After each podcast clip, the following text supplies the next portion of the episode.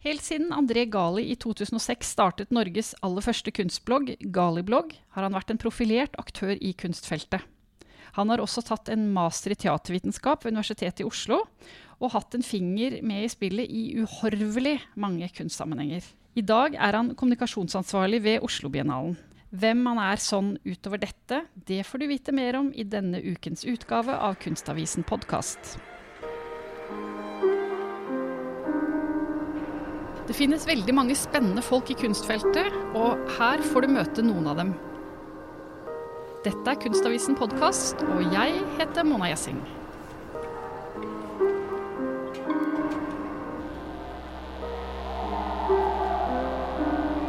Du startet eh, Norges aller første kunstblogg, Gali-blogg, i 2006. Hvordan kom du egentlig på den ideen, å lage en blogg?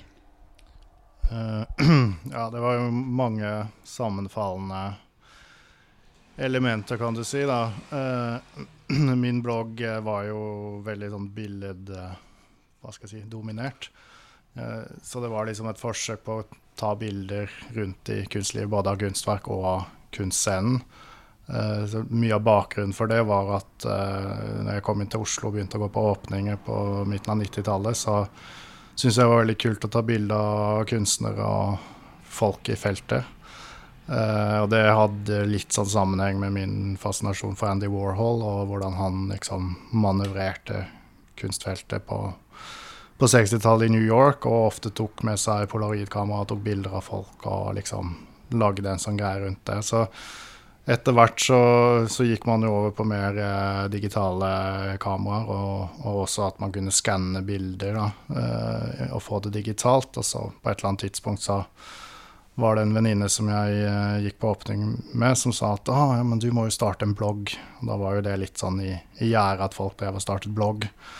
Så tenkte jeg ja, ja, det kan jeg prøve. Og så først så testet jeg litt sånn, for jeg også skrev litt sånn ja, forsøksvis prøvd å skrive litt for kunstkritikk. og var liksom ikke kommet helt i gang med å skrive så mye, men tenkte liksom at jeg kan bruke bloggen også til å skrive litt. Og så syns jeg egentlig det var litt kjedelig, for å være helt ærlig. Og da ble det liksom til at OK, men legge ut en 20-30 bilder fra åpningen på torsdag, og så noen bilder fra åpning på fredag. Og så prøvde jeg å gå på veldig mange åpninger, da. For å ta bilder av kunstnere og, og folk som var opptatt av kunst. Så det var liksom sånn det startet. da, Så varte jo ikke den bloggen så fryktelig lenge, men det var liksom en måte for meg å hva skal jeg si, medvirke litt i kunstlivet før jeg liksom helt hadde begynt å, å skrive kritikker eller liksom kommet inn i andre, andre sammenhenger. Hvordan eh, mottagelse fikk du? Alle var jo veldig euforiske. Nei da. Eh, det her var jo litt før liksom, Facebook var kommet, men det fantes en sånn undergrunnskanal som het Underskog, som var liksom Facebook for kultureliten. Jeg tror den finnes fortsatt, men, men da var liksom det Da måtte du ha invitasjon og sånn, så, så, jeg postet jo ofte gjennom der at nå er det en ny post på, på Galiblogg og liksom sånne ting. Og det var veldig sånn todelt eh, respons. Noen syntes dette var helt fantastisk og kjempekult. Og for noen ble det en sånn Hvis du ikke hadde vært på Galiblogg, så hadde du ikke vært ute kvelden før, liksom. Eh, for andre så var det bare sånn Å, herregud, du er jo bare en dust, liksom. Eh, jeg husker Mathias Valbakken sa liksom sånn Ja, jeg skjønner hva du gjør, liksom, og, og, sånne ting. Jeg fikk aldri lov å ta bilde av han, da, f.eks. Men han var liksom sånn ja, Det er liksom din greie, jeg har liksom respekt for det at det er din greie, men jeg syns egentlig det er jævlig teit. Det var liksom hans, hans respons, da. så ved, ved ellers så liksom, ikke sant, Jeg hadde en sånn stort sett en god tone med de fleste jeg liksom møtte rundt på byen i den perioden, da, og på åpninger. Og, og det var jo ikke bare på kunst, liksom, åpninger. Det var jo en del som overlappene mellom musikkfeltet og, og kunstfeltet også, at man gikk på, på, konserter, og så var det liksom ting blandet seg litt, og så var det noen sånn klesmerker, motebutikker som begynte å vise kunst. Der hadde blant annet eh, Jeg husker ikke helt hva den het nå, men det var en butikk eh, nede i Kvadraturen som, som viste en del kunst, hvor bl.a. Mathias Fallbakken hadde en åpning uh, i motebutikken. da og så kom jo Henrik Vipskovs butikk, og så var det liksom en slags sånn energi da, hvor det var litt sånn Ja. Og Natt og Dag og disse smuglesning og sånne ting var liksom en slags sånn flow mellom litt forskjellige typer miljøer. da. som var på de samme festene, de samme åpningene, de samme nachspielene og, og så videre. Så var ikke jeg noe sånn sentralt element kanskje i det, men jeg kunne liksom være litt sånn til stede på disse åpningene og ta bilde av de folka da, ikke sant. Så det var veldig gøy. Hadde du noen forbilder fra utlandet når du lagde, begynte å tenke blogg? Var det, var det noen utenlandske aktører som du tenkte at oi, se der, dette vil jeg også lage? Eller, eller var det mer suget fra eget bryst alt sammen? Det var uh, ikke Jeg fulgte ikke så mye med kanskje på andre sine blogger, men det har jo vært en del. altså Artforum hadde vel allerede da en sånn spalte uh, bakerst i bladet sitt, holdt jeg på å si, eller hvordan det var.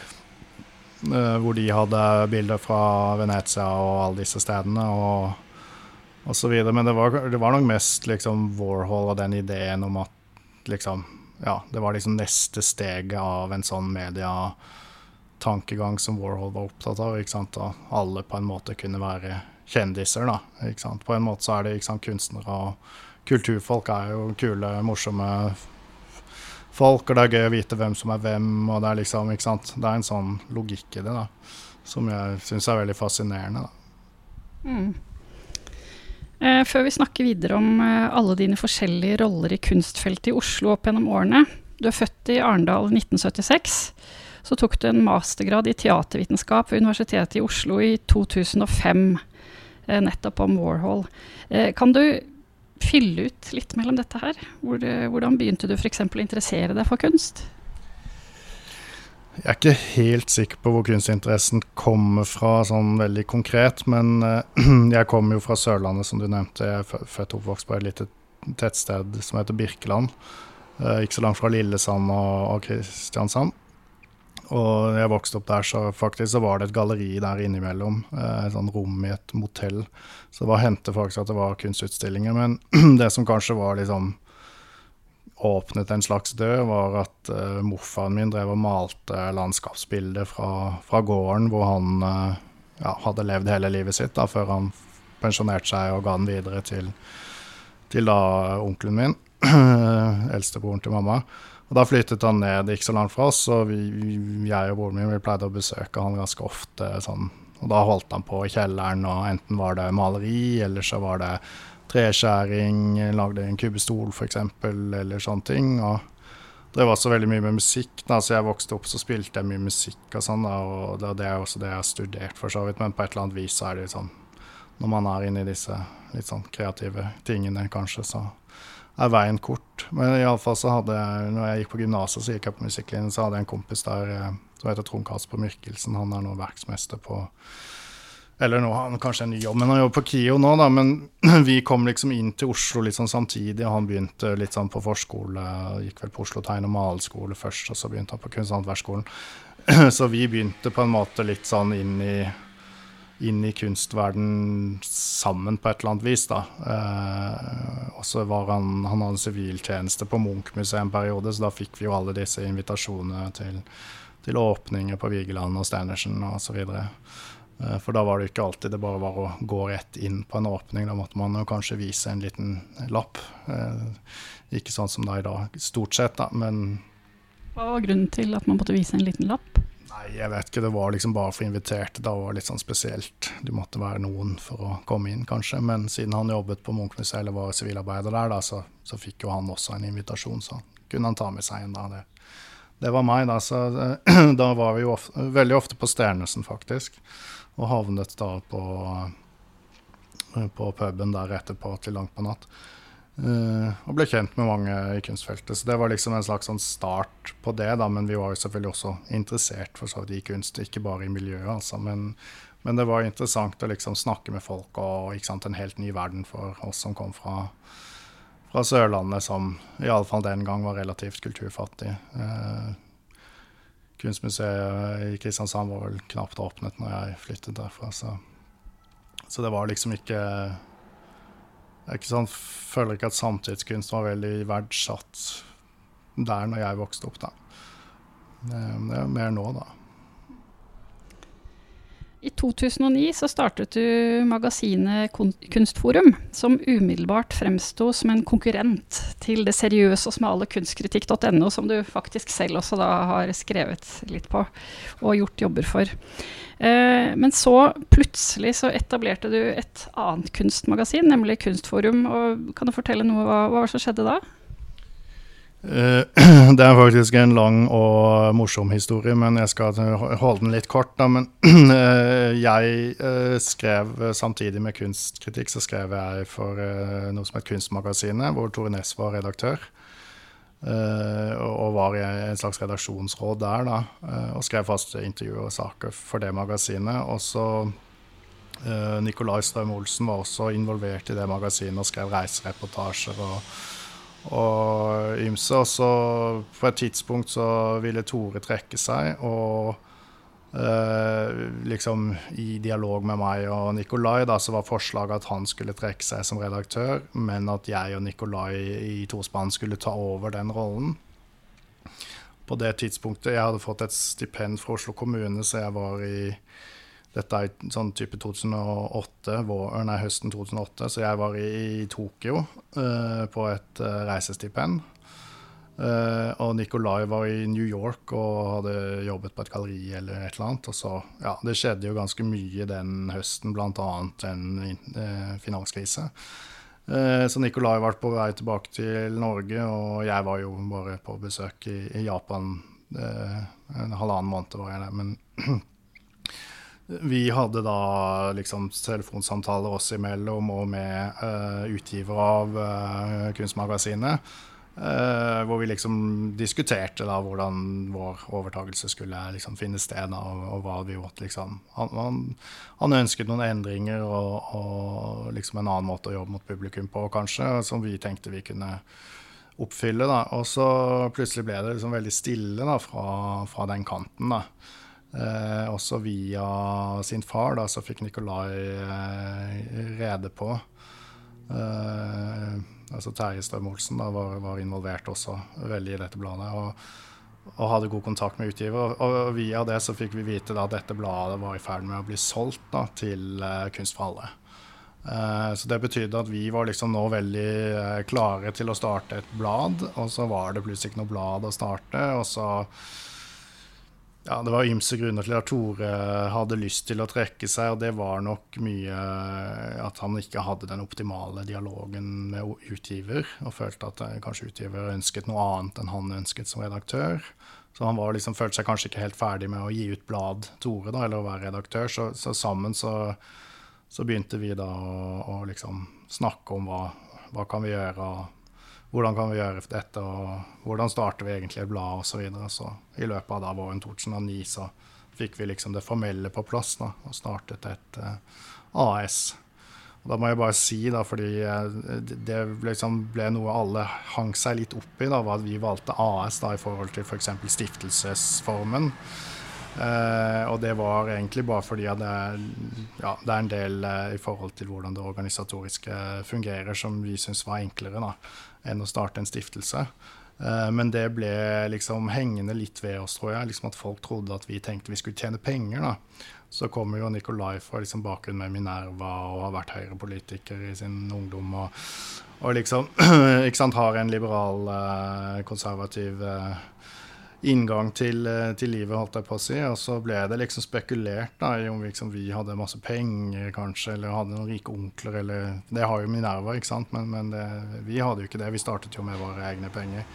Eh, og da kostet det jo faktisk 100 000 kroner å starte et AS. I dag er det jo 30 000, så det var en del penger da, som vi måtte, måtte inn med da, fra, fra, egen lomme for å starte dette her. da. Eh, og da var jo, akkurat da så var jo kunstkritikk en sånn transition-fase, hvis man kan si det. En overgangsfase.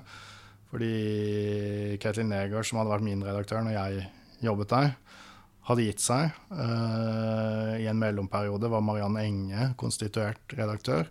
Og det var en utlysning og en ansettelsesprosess. og uh, da var det jo Jonas Ekeberg som kom inn i den uh, stillingen i 2009. Og han trådde jo mer eller mindre inn i det omtrent samtidig som vi da kom ut med vår første papirutgave, som var høsten 2009. Uh, og det er litt interessant, da, fordi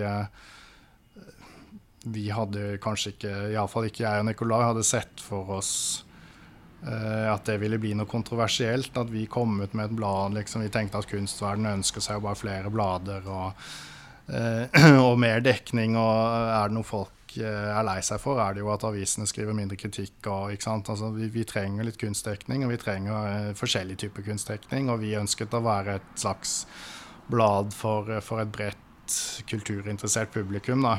Men selvfølgelig ha en faglig forankring, da. Og da Ja, dette er jo litt sånn før, før min tid, da, men det er jo en slags sånn gammel gammel historie mellom Tore og, og og Jonas, som jeg ikke kjenner til, men de har liksom vært sånn iallfall faglige rivaler opp gjennom lang tid. ikke sant? Jonas Ekeberg eh, lanserte nykonseptualisme, mens Tore Næss var eh, en forkjemper for den figurative malerkunsten. De havnet ofte i klinsj, da.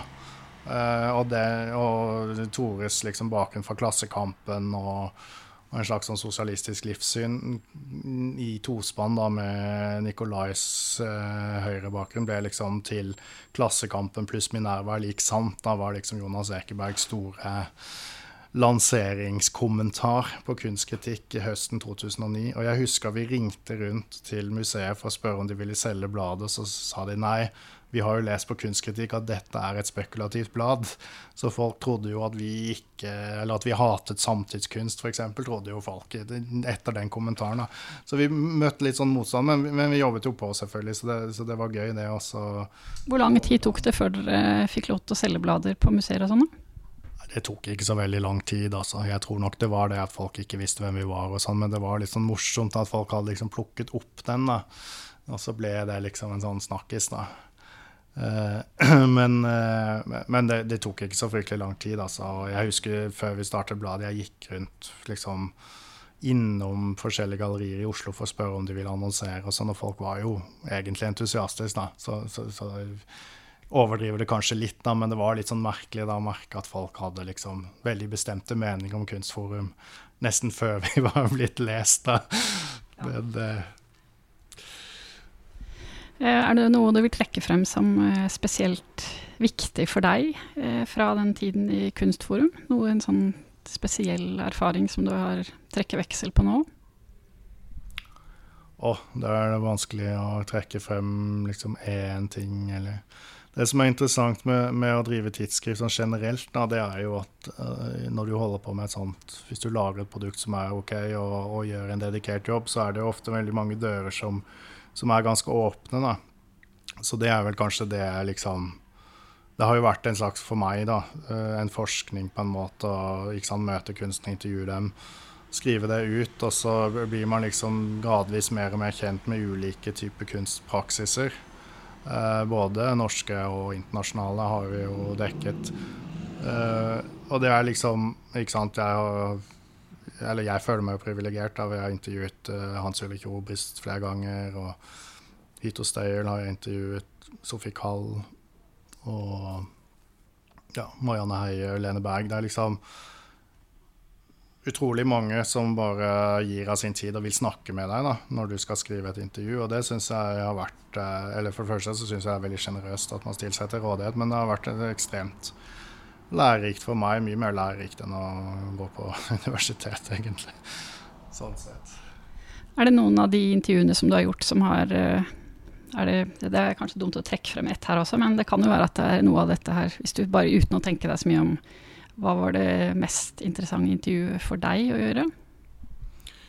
Jeg svarer litt forskjellig når jeg får det spørsmålet, for jeg har fått det før. Men, men akkurat nå har jeg lyst til å si faktisk Vilde von Krogh. Det har jeg tenkt på mange ganger. At det var liksom eller Vilde var sånn jeg møtte tidlig når jeg holdt på med Gali-blogg, og så liksom bare så at hun var et sånn Hva skal jeg si, en slags sånn beveger i, i, i, feltet. da, Fikk til mye, hadde liksom drev galleri en periode. ikke sant, eh, Nummer ni var som kunstnerdrevet galleri hvor mange interessante kunstnere fikk anledning til å vise seg, men også som skapte et miljø. og Så startet hun Prosjektskolen osv.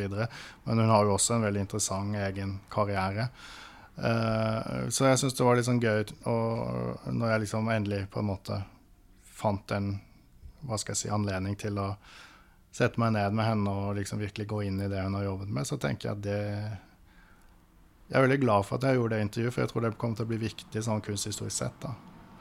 Uh, og jeg tror ikke det er så mange som har gjort tilsvarende intervjuer. Jeg, jeg mener, jeg ble jo kjempestarstruck når Hit og Style uh, tok imot meg i Berlin. og og jeg hadde en time og halvannen med henne, men, men uh, det finnes sikkert 100 intervjuer som er bedre enn mitt. ikke sant? Men akkurat uh, med Vilde så tenker jeg liksom at Jeg håper jo hun får flere intervjuer, det er ikke det, men jeg følte at det liksom jeg klarte å fortelle hennes historie relativt bra.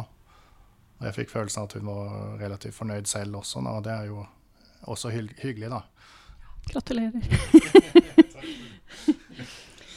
Eh, før vi skulle møtes i dag, så kikket jeg litt på CV-en din. Den er veldig lang. Eh, du har vært redaktør, ikke bare for Kunstforum, men også for noen bøker og magasiner. Um, er det noe du spesielt vil trekke frem av uh, denne virksomheten her? Bøker, f.eks.? On Collecting? Jeg kan godt snakke litt om bøker. Jeg har jo ved siden av Kunstforum helt fra 2010 til relativt nylig så jobbet jeg for Norwegian Crafts. Uh, først var det en, en uh, bare et online-magasin, egentlig, hvor vi publiserte fire til fem utgaver i året, men relativt fort så, så utviklet det virket seg. Uh, og Norwegian Crafts i, i, starten var jo det bare et slags underbruk av, av norske kunsthåndverkere, så etter hvert så ble det sin egen, ja, sitt eget selskap. Det er vel også organisert som et selskap, apropos. Men det ble, ble, skilt ut, da. Uh, med sin egen økonomi, sitt eget styre osv. Men uh, norske kunsthåndverkere har hele tiden, eller ikke hele tiden, men har lenge produsert fagseminarer her i Oslo, eller i Norge, da, stort sett i Oslo, i forbindelse med årsutstillingen som de arrangerer hver, hver høst. da. Uh, og så ble det litt til at Norwegian Craft også var involvert, og, og også laget et seminar i utlandet osv. Og, så og det ballet litt på seg at vi tenkte at dette var mat for, for, uh, for bøker. da, Fordi uh, vi fikk ofte høre at folk gjerne skulle vært på de seminarene, og vi aldri fikk de med seg, og dette virker som kjempeinteressant tematikk, og, og så videre. Så, så litt på mitt initiativ, men selvfølgelig i dialog med mine kolleger, så Eh, så lagde vi en slags ramme for dette her, da. OK, kan vi lage en slags bokserie, da? Uh, som, som, liksom hver gang vi har et seminar, så kan vi lage en utgivelse etterpå som publiserer de mest relevante innleggene, f.eks. Uh, og det ble et Documents on Contemporary Craft, som er en, en serie som så langt har kommet med fem, fem bøker. Uh, og ja Jeg vet ikke hvor detaljert jeg skal være på den, ja, men, men uh, ikke sant, vi har hatt en 30 pluss skribenter innom. De fleste har jeg redigert, enten alene eller sammen med noen. Uh, og det har tatt for seg ting knyttet til materialitet eller ferdigheter eller ja, on collecting, som du nevnte, handler jo om det å samle på kunst og kunsthåndverk. Og ja, liksom prøvd å angripe Ja, kuratering også. Og prøvd å angripe det litt fra, fra kunsthåndverkets eh, ståsted. da. Prøve å ta noen diskusjoner liksom, med utgangspunkt i hva På hvilken måte er disse relevant for, for kunsthåndverket. da. For kunsthåndverket for meg er jo også en hva skal jeg si, Det er på en måte en del av kunstdiskursen, men det er også sin egen kunstdiskurs. Og det er litt sånn interessant å å utvikle den også, ikke bare med begrepene fra kunstverden, eller gjøre det på samme måte, men snakke om hvordan det kan være hvordan det kan fungere på egne premisser. Så er det selvfølgelig masse overskridelser mellom de to feltene, som, som vi også har sett stadig mer av. og Tekstilkunsten er superhot, og keramikken er kommet tilbake osv. Men det er interessant å kunne snakke om det med utgangspunkt i kunsthåndverk, og hva betyr kunsthåndverk i forhold til billedkunsten, hvis vi skal bruke disse litt gamle begrepene, kanskje. Du er også um, ganske godt orientert om samisk kunst. Vil du si noe om det? Det er hyggelig at du sier det, men jeg tror jeg skal liksom moderere det. Jeg er nok ikke så godt informert, men jeg, jeg er veldig interessert. Da. Eh, det begynte jo egentlig med at vi ja, vi fulgte med i Norwegian Crafts. Da. Vi fulgte med på hva Oka holdt på med. Og så hadde vi en gjestekvate som heter Namitar eh, Viggers, Navita Gupta Viggers, som kom over fra USA. Så 2017, tenker jeg det. Og da var det en utstilling som het I Craft I Travel Light på Nordnorsk Kunstmuseum. Eh, som vi dro og så, da. Og, og liksom den tar utgangspunkt i nomadisk kultur og håndverk. Ikke bare kunsthåndverk, men håndverk også. Litt større begrep. Men det var jo ganske interessant å dra dit. Og da begynte vi å diskutere liksom i hvilken grad vi eh, Eller våre rammer, da, kan du si, var liksom evnet å, å ta inn det samiske perspektivet da, i det arbeidet vi gjorde, og det gjør det jo i liten grad. Og, og, på den turen så hadde vi også noen møter med kunstnere og, og andre, og Johan Ango tok imot oss på sitt studio. Uh, jeg hadde sendt han en e-post håpet at han hadde lyst til å møte oss. Og hørte ikke noe fra han før omtrent vi satt på bussen hjem, holdt jeg på å si, eller på bussen til flyet. Men, men sånn helt på slutten, da, før vi skulle dra, så fikk vi liksom en times prat med han i studioet hans. Og han er jo ekstremt kunnskapsrik, ekstremt sjenerøs, og, og, har veldig mange perspektiver med seg. Eh, arkitektur selvfølgelig, og billedkunst osv. Men også veldig opptatt av håndverk og det samiske Det er ikke helt sånn én til én til kunsthåndverk, men, men begrepet duaji, som ofte oversettes da som kunsthåndverk, men det er mer en litt sånn større Hva skal jeg si Nesten som en estetisk filosofi, en måte å tenke om, om den materielle verden på, om den visuelle verden på osv., som har utspring da i den samiske kulturen. og, og og selvfølgelig, det nomadiske eh, ligger jo som en veldig viktig premiss. Uh, og det å kunne bruke og omskape de uh, materialene man har for hånden. Altså, det er jo noe Joa har tatt med seg inn i en slags sånn moderne variant. Da, at han bruker på en måte det han finner for hånden, ting som man aldri skulle trodd kanskje at kunne brukes til eller sette sammen på disse måtene, eller få den Eh, kunstneriske verdien som det får, da. Uh, og det er interessant. Uh, så det, det, var liksom utgangspunktet kanskje da, for at vi i Norwegian Craft begynte å se nærmere da, på, på, samisk kunst og kultur, og prøv, liksom startet liksom å nøste litt i Hvem er det som driver med ting? Hva er, det, hva er samtalen i Sápmi om dette her? Altså, hvordan tenker de om det? Hvordan forholder de seg til det begrepet selv. Og mange tenker kanskje på Dodgy som suvenirer, eller at liksom det er en tradisjon, et slags husflid. Men det er veldig mye innovasjon som også skjer, skjer der. Da. Og da kommer vi i kontakt med andre, både kunstnere og, og, og tenker, holdt jeg på å si, sånn som Gunvor Guttorm, som, som, er lærer på, eller professor, da, den første og kanskje eneste professoren i Dodgy i Kautokeino.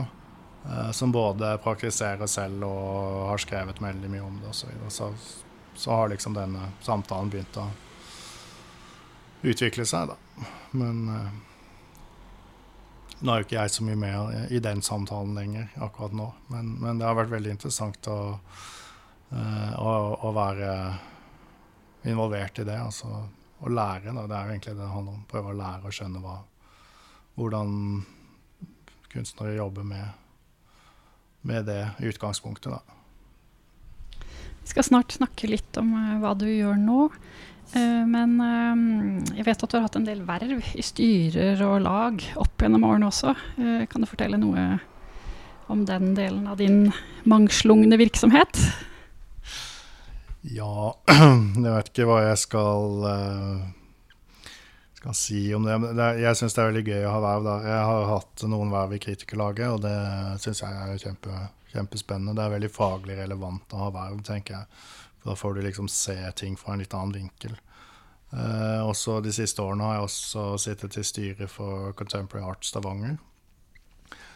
Og det er jo bare, bare kos, egentlig, å sitte og prøve å gi noen tanker om hvordan man kan strukturere den virksomheten og, ja, og være med og ja, ta de avgjørelsene som de trenger å få tatt, osv. Det er jo veldig I kunstfeltet er nok det å sitte i styret relativt eh, Stort sett en hyggelig affære, da. Men unnskyld. Det er liksom fint å, å kunne få det perspektivet fra, fra en virksomhet. Da kan du si at du sitter i den situasjonen, at du tenker litt annerledes. Det er andre ting du må ta hensyn til, og det er andre ting du må liksom forstå og forholde deg til. Økonomi, selvfølgelig. altså Det jobber man jo selvfølgelig med som redaktør og også, men, men det er litt annerledes når man sitter i et styre og liksom man skal gi råd om, om disse tingene, eller mene noe, eller stille spørsmål, f.eks. Stort sett så er det ikke så alvorlig. Men, eh, men det, er, det er absolutt interessant. 1.3 i år så begynte du i ny jobb som kommunikasjonsansvarlig i Oslo-biennalen. Og gratulerer med det, får jeg vel si. Hvordan har jobben, jo, hvordan har jobben vært så langt? Eh, det har vært en kjempespennende jobb. Eh, jeg kom inn 1.3, eh, så den overgangen fra Norwegian Crafts, som jeg jobbet med inntil da, og til Oslo-biennalen, var relativt kjapp. De ønsket meg inn ganske kjapt, og av ulike grunner så fungerte det for Norwegian Crafts at jeg sluttet kjapt også. På en måte litt sånn mellom prosjektet, sånn at jeg hadde liksom ikke startet noen nye prosjekter på det tidspunktet, men hadde avsluttet en del, så det passet liksom fint at jeg ikke satte i gang med noe nytt som da skulle gis videre til noen andre på et vis. da. Uh, og Biennalen hadde behov for noen som kunne begynne ganske kjapt. Uh, så jeg kom inn døra der uh, det var kanskje 2. mars jeg kom inn døra der, for jeg tror første kanskje var en søndag. Men iallfall jeg kom inn der liksom helt i starten av mars, og så var det liksom Kommer kuratorene med nå skal vi skrive pressemelding, dette, disse prosjektene skal ut eh, nå i løpet av våren, og vi skal ha pressemeldinger på norsk og engelsk, og nå må vi jobbe på det, det, Vi har mye som skjer. og vi, eh, vi, har jobbet med et eh, internasjonalt PR-byrå for, for, internasjonal presse. Så, så vi uh, hadde løpende dialog med dem og jobbet ut en pressemelding. Uh, og skulle bl.a. ha flere verk uh, i forbindelse med åpning av Deichmanske. Var, planen var å ha med til Edvardsens levende bøker, eller bibliotek da, av levende bøker skulle være tilgjengelig der. Eh, det er jo sånn man kan gå og liksom låne seg en person som leser en bok som denne personen har lært seg utenat i en halvtimes tid. da, Så man kan få en én-til-én-opplesning, eller en fremførelse, da, egentlig, av en bok. da. Eh, jeg opplevde det helt utrolig fascinerende. altså En sånn kroppslig opplevelse av å lytte til en bok. Det, så vi gledet oss veldig til at den skulle liksom opp på det nye Deichmanske, og så hadde vi to filmer som vi jobbet med å få inn i et filmprogram der. Eh, nå kommer de filmene nå utover eh, sommeren. kommer vi til å strømme dem på vår nettside, så de, vi, vi, får det gjort tilgjengelig. Men vi, vi, hadde gledet oss til dette, og vi hadde et stort eh, liksom en stor pressemelding, en statement på gang. Kuratoren hadde jobbet lenge med, med dette her. Da. Og så liksom så begynner vi å diskutere da, sånn i midten, eller begynnelsen, midten av andre uken jeg er på jobb, så er det sånn ja, OK, men kan vi gå ut med dette nå? Må vi vente? Hva skjer egentlig? For det var jo ja, 12. mars, så stengte jo dørene for godt, holdt jeg på å si, for de fleste. Eller da fikk vi beskjed om å ha hjemmekontor. Så jeg jobber jo i Oslo kommune, eller Oslo-Bindhallen er en del av Oslo kommune. Men vi har vårt eget eh, lokale i Myntgata. Men da var det sånn onsdagen der så var jeg liksom og hilste så vidt på uh, Stein Slyngstad, som er i Kulturetaten, og Lise Mjøs, som er i Oslo kommunes kunstsamling.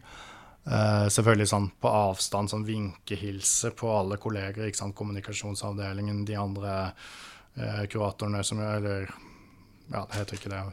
ja, De andre som jobber med kunsthistorikerne, da, som jobber i Oslo kommunes kunstsamlinger, og liksom sånn på god avstand. og og så videre. Ja, nå skal vi ikke hilse på hånden, og det var liksom pass på å vaske oss. Og så liksom dagen etterpå da, så var det sånn OK, nå, jeg trenger ikke komme på kontoret på et stund, for da stenger vi ned. Og da var liksom OK. Alt vi hadde planlagt av materialet som skulle ut, det var jo bare å ta kontakt med alle kunstnerne si det blir ikke noe av de prosjektene. Ta kontakt med liksom alle kanalene som vi, vi har brukt Iflux f.eks. til å sende ut pressemeldinger av og til internasjonalt. Det måtte vi bare avlyse. ikke sant? Så alle, alle sånne planer vi hadde da, om ting som skulle gå ut, måtte liksom bare skrotes. Og så måtte vi begynne å tenke OK, hvordan kan vi gjøre dette? Er det noe vi kan gjøre på nettet? Hvordan kan vi gjøre det? Og det er jo selvfølgelig kuratorene som måtte da ta kontakt med alle kunstnerne og snakke litt med liksom, OK, hva kan vi få til? Og hvordan funker nettet egentlig for det som vi jobber med? For, ikke sant? Oslo-binalen jobber med kunst i offentlig rom. Internett er jo et offentlig rom. Men det er jo ikke bare å flytte ting på en måte over. Eller det er jo en mulighet, selvfølgelig, men Eller det vi så, da, eller jeg så, da, var jo at uh, veldig mange kunstmuseer var veldig kjappe til å liksom produsere digitalt innhold. Og noen er veldig gode på det. altså Fernermuseet, Henny Jonstad-museet er veldig dyktige på det. Men vi hadde liksom ikke helt den infrastrukturen helt på plass. da vi har en del uh, materiale, men vi trengte noen rammer. Og, og, samtidig så tenkte vi at liksom Vi har ikke bare lyst til å lage en digital fortelling om noe som skjer uh, i virkeligheten, men vi har lyst til liksom, Går det an å på en måte behandle da internett som et offentlig rom helt fra starten, da? Så har vi kanskje ikke Eller Nå sier jeg mye 'vi' her, da. Det er jo ikke jeg som styrer dette her, da, men jeg har jo pushet litt på, da, selvfølgelig med min bakgrunn med, ja, fra blogg og, og, nett. Så hadde jo jeg lyst til å, liksom, at vi skulle komme godt i gang med det ganske fort, og, og det ville kuratoren også. Uh, men sant, det er ikke bare å hoppe rett på å lage noe nytt osv. Så, videre, så. så ja, så de tok eh, dialoger med kunstnere og har tenkt en del rundt hvordan dette kunne utvikles. Uh, og så hadde vi jo et program som vi kalte for Public Sound, hvor vi da tenkte at lyd, lydverket har liksom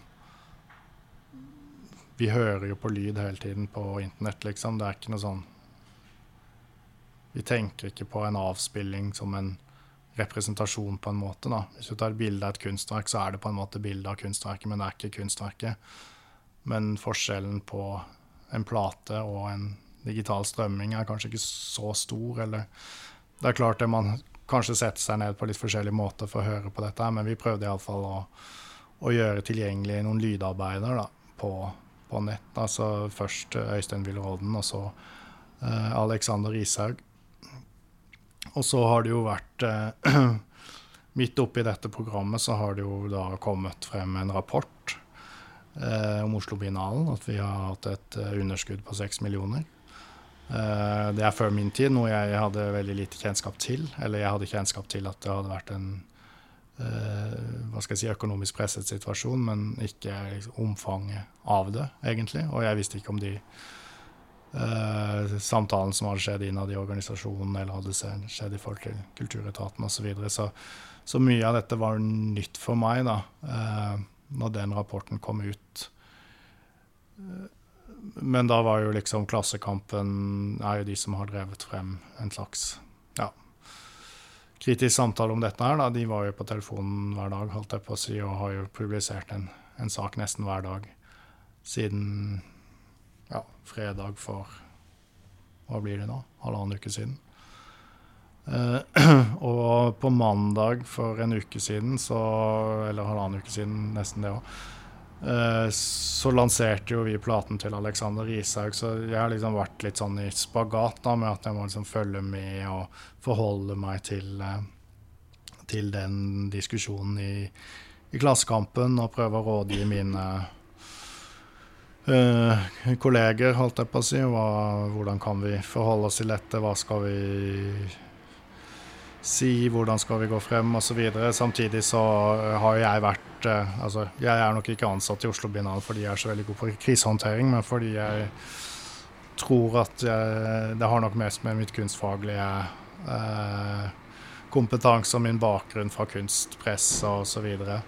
Eh, ikke sant? Så, sånn sett så har det liksom dette vært en relativt ny erfaring for meg, og, og ja, det som kanskje er eh, hva skal jeg si, det som er, eh, som er utfordringen for meg, da, er jo at, at, jeg ikke kjenner institusjonen ut og inn ennå. Jeg kjenner ikke systemene helt. Jeg kjenner ikke alltid til de økonomiske uh, sidene av hvordan institusjonen er drevet osv. Så, videre. så Så, så, så, det har liksom vært vanskelig for meg å, å ha en veldig sånn definert rolle da, i det. da, Men jeg har iallfall prøvd å liksom gjøre det jeg kan da, for liksom fremme Alexander Rishaug i dette her. da.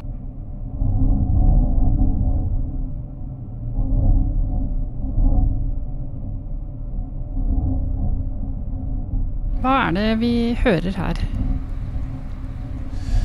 Dette er eh, et opptak som Alexander Rishaug har gjort i Høyblokka et feltopptak, som vi kaller det. Dvs. Si at han har tatt opp lyden av de tomme rommene i høyblokka.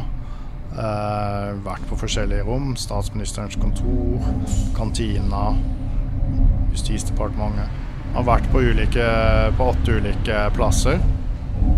Eh, over to netter, da. Eller han har kanskje tatt opp mer enn det, det vet jeg faktisk ikke. Men han, det er iallfall åtte spor som er med på den, denne plata. Uh, og de er tatt opp i løpet av to netter, så man fikk tilgang til, uh, til uh, høyblokka. som jeg tror var en stor kamp for å få adgang inn der. Men fikk hjelp av Bo Christer Wahlstrøm i Koro slash Uro. Og så vidt jeg forstår så har også Jan Christensen og Charlotte Hagelund hatt en, en slags produsentrolle i forhold til å, å få liksom, de formelle tingene på plass.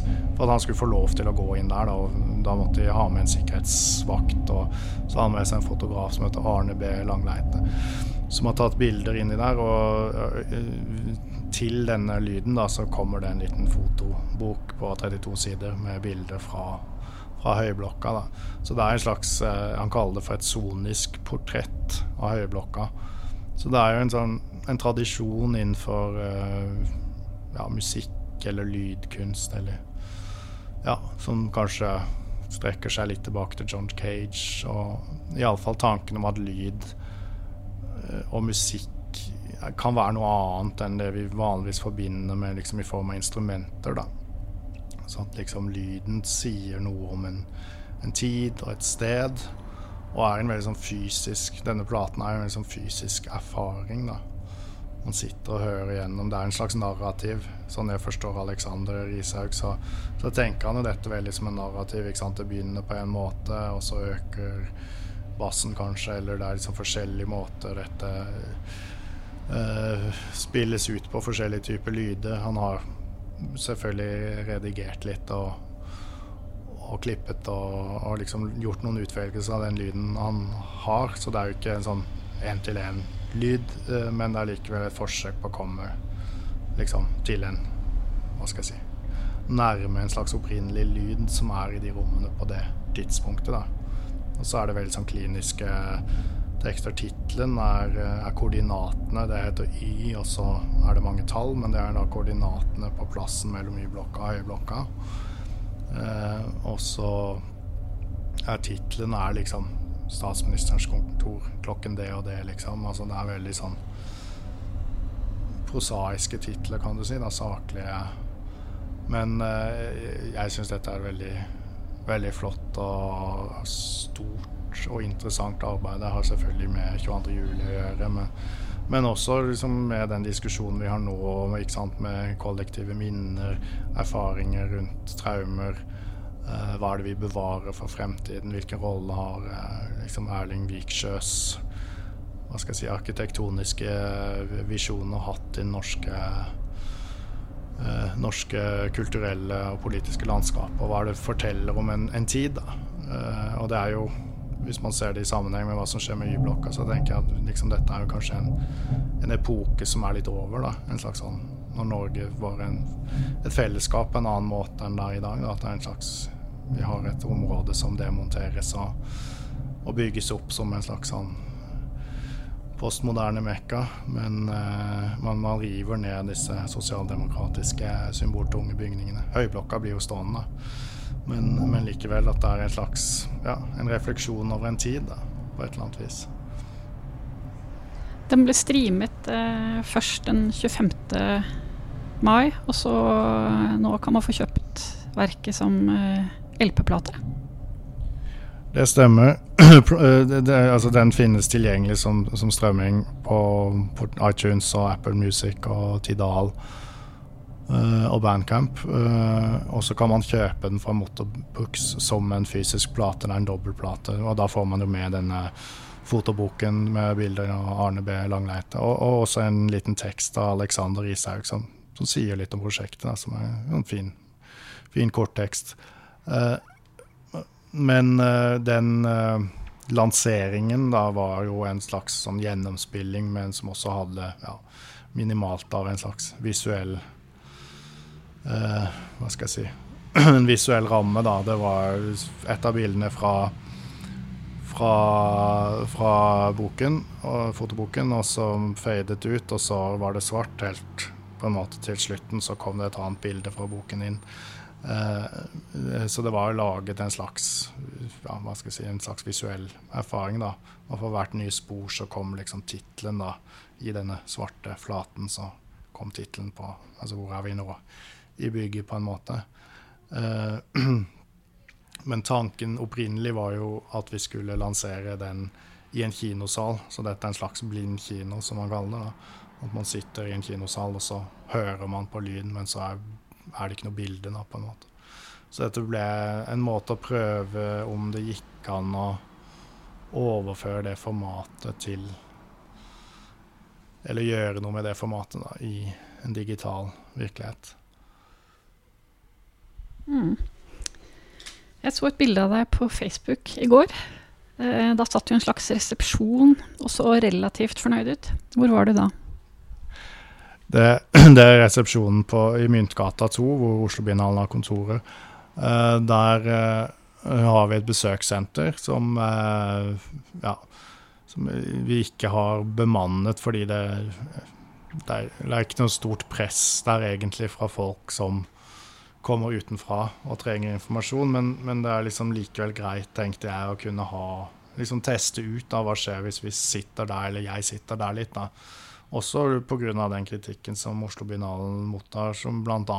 har gått på at vi ikke er tilgjengelig, at vi liksom ikke er en del av kunstfeltet. Dette er jo et område hvor 60 kunstnere har atelier. Så, så man sitter der, så kan iallfall folk stille spørsmål, eller de kan få en publikasjon som Vi har veldig mange publikasjoner som vi ønsker å få delt ut til folk, og noen av de er kunstverk, og noen er eh, katalog fra et av prosjektene eller fra alle prosjektene osv. Så, videre. så vi ønsker å gjøre de tilgjengelige også. Eh, så det var litt sånn test, da, kan du si, for å se liksom, om, om, det kunne skape en form for samtale da, mellom, mellom felt og, og Oslo-binalen, og, og, gjøre det litt sånn ja, Kanskje ta bort noen av de eh, hva skal jeg si, piggene som man har ute. Det er veldig lett å mislese sånne Facebook-innlegg. ikke sant? Folk kommenterer på ting jeg har sagt, eller jeg kommenterer på hva andre har sagt, så er det veldig lett at det leses helt annerledes enn man har tenkt det. det så derfor har vi også prøvd fra vår side i Oslo og Det har jo ikke alltid vært like vellykket, kanskje, men å ikke svare så mye og la folk ha den samtalen. Men da, ikke sant, vi har ikke lyst til å gå så mye inn og liksom legge oss opp i hva folk sier om oss, kanskje. Men samtidig så har vi da blitt kanskje sett på som at vi ikke er tilgjengelig for den samtalen. Så, så det er litt vanskelig å manøvrere av og til i de sosiale mediene. Så det var en måte å kanskje liksom prøve å si at vi ønsker å ha den samtalen, og vi tar imot kritikk, absolutt. Eh, men vi syns kanskje ikke det er så lett å, som institusjon å delta veldig aktivt i den på Facebook, f.eks. Så det var litt av tanken med å sitte der, da. Ja, flott. Tusen takk for praten, og god sommer. Tusen takk for at jeg fikk komme. Kjempehyggelig. God sommer til deg òg.